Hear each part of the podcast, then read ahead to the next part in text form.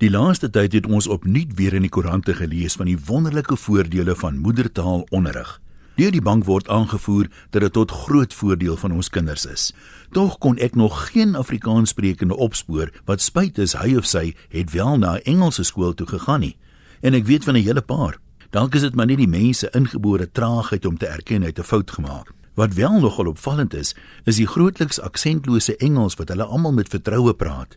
Afrikaners wys graag daarop dat voormalige leiers soos John Foster ook goed Engels gepraat het, maar hulle noem nie hoeveel skottelgoed sy swaar aksent laat breek het nie.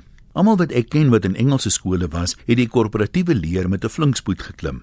En skynbaar het hulle taalvaardigheid iets daarmee te doen gehad. Bevordering beteken dikwels meer toesprake en onderhandelinge met groot kliënte in wêreldstede soos Londen en New York. Weereens word graag verwys na Afrikaanse mense wat uiters suksesvol in die sakewêreld was, soos die Ruperts en Christo Wiese en so aan. Maar is een ding om aan die hoof te staan van 'n maatskappy wat jy self begin het en iets anders om bevorder te word tot die hoof van 'n multikulturele genoteerde maatskappy. Byna al die groot koppe by Steinhoff het byvoorbeeld Afrikaanse vanne. Engelse vanne is daar so skaars soos Afrikaanse vanne by maatskappye wat die meerderheid aandeelhouers Engels is. Is dit maar 'n aanduiding van bandjies vir boeties? Soms stel 'n Afrikaanse van teen jou, veral as jy nog van 'n oorwegend Afrikaanse plek af ook kom. 'n Vriendin van my van Bloemfontein met 'n uitstekende CV het aansoek gedoen vir 'n pos in Durban. En raai wat was haar eerste vraag tydens die onderhoud? So, what makes an Afrikaans girl from Bloemfontein think she will make it in Durban? Praat nou van bevooroordeeld wees. Laat ek net maar erken, ek self sou dit beslis nie aan 'n Engelse universiteit gemaak het nie.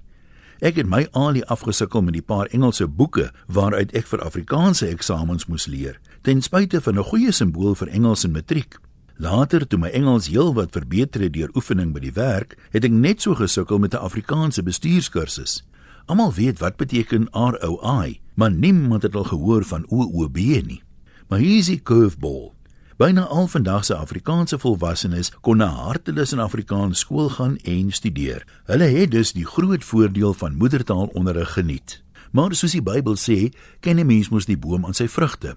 Kyk gerus rond op sosiale media en in koerante en tydskrifte se webtuistes. Jy sou verwag om ten minste redelike taalvaardigheid en spelvermoë in ons moedertaal te sien. Maar vergeet dit. Mense wat kan spel is skaarser as die spreekwoordelike hoendertande en dit wemel van die stupid foute. Party sukkelaars spel selfs die F-woord met 'n V.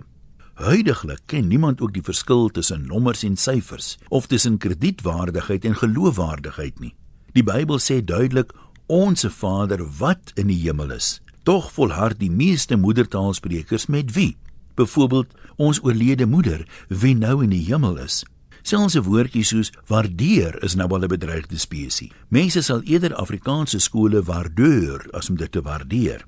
Nou kyk nou in my lewerbespikkelde bruin oë en sê vir my: As dit die resultaat van moedertaalonderrig is, waarvoor veg ons dan?